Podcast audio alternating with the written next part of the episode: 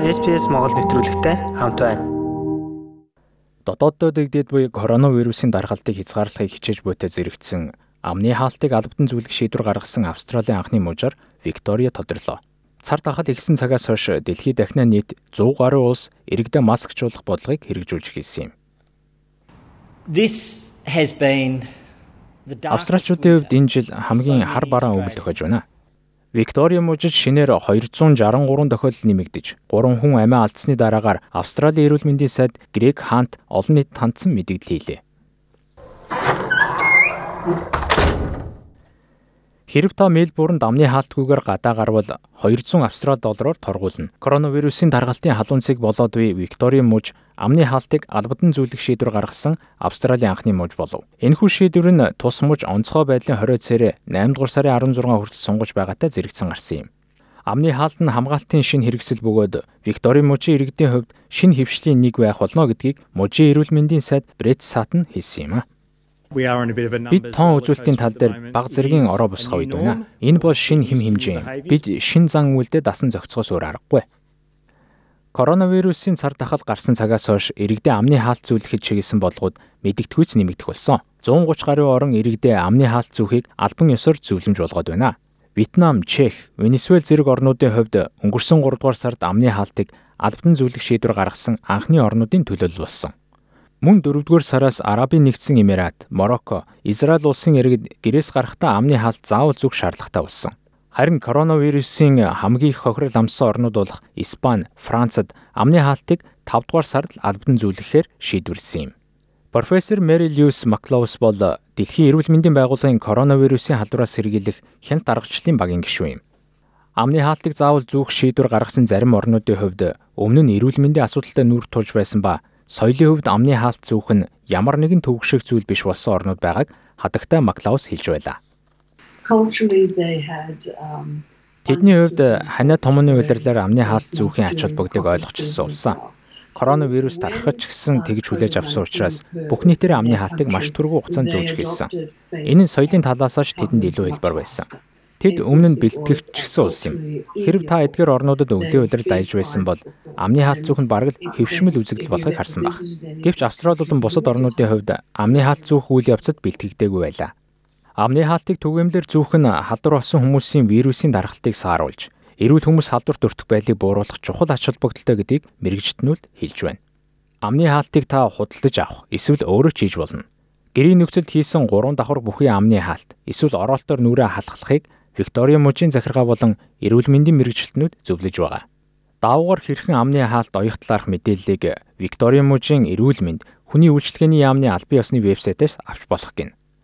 Профессор Тони Блейкли бол халдвар төвчин судлал, нийт эрүүл мэндийн эмнэл зүгээр мэрэгсэн нэгэн. Түүний хийсэн судалгаагаар амны хаалтыг хөвшил болгосноор халдварын тархалтын хурдыг 60-аас 80 хувиар бууруулах ач холбогдолтой нь батлагдсан байна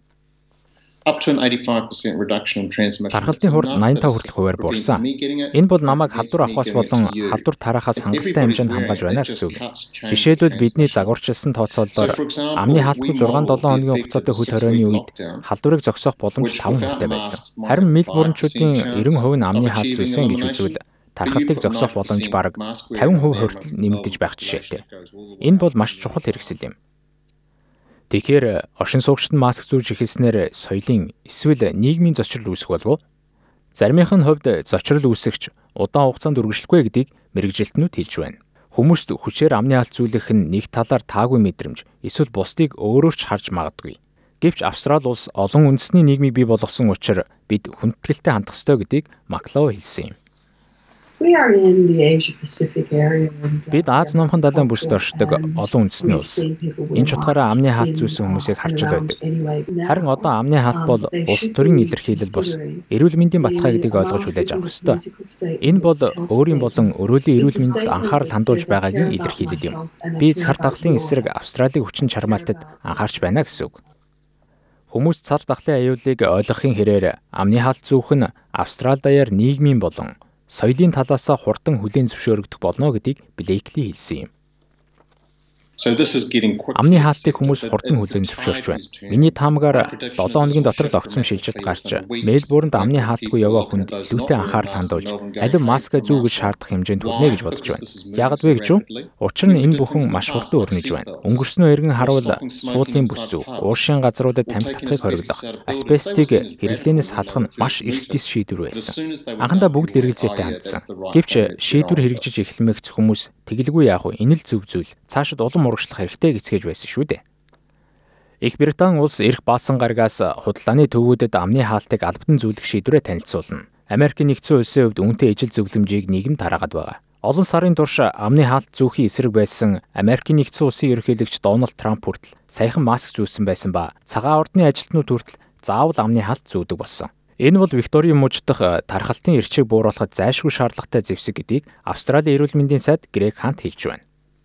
Together Амны хаалтыг албадан зүйлэх энэ хэцүү шийдвэрийг бид бүрэн хэмжээнд дэмжиж байгаа.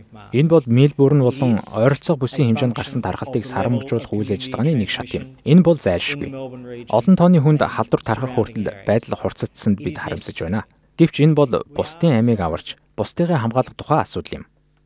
Япон, Индонез, Тайланд зэрэг орнуудад амны хаалтны хомсдол үүсэт байна. Мөн нэг удаагийн амны хаалтыг эрүүл ахуйн үүднээсээ дахин ашиглахгүй байхыг эрүүл мэндийн мэрэгчлэлтнүүд зөвлөсөөр байгаа билээ. Apple Podcast дээр манай нэвтрүүлэгт үнэлгээ өгнө үү? Энэ манай нэвтрүүлгийг хайж олоход бусдад бас туслах юм.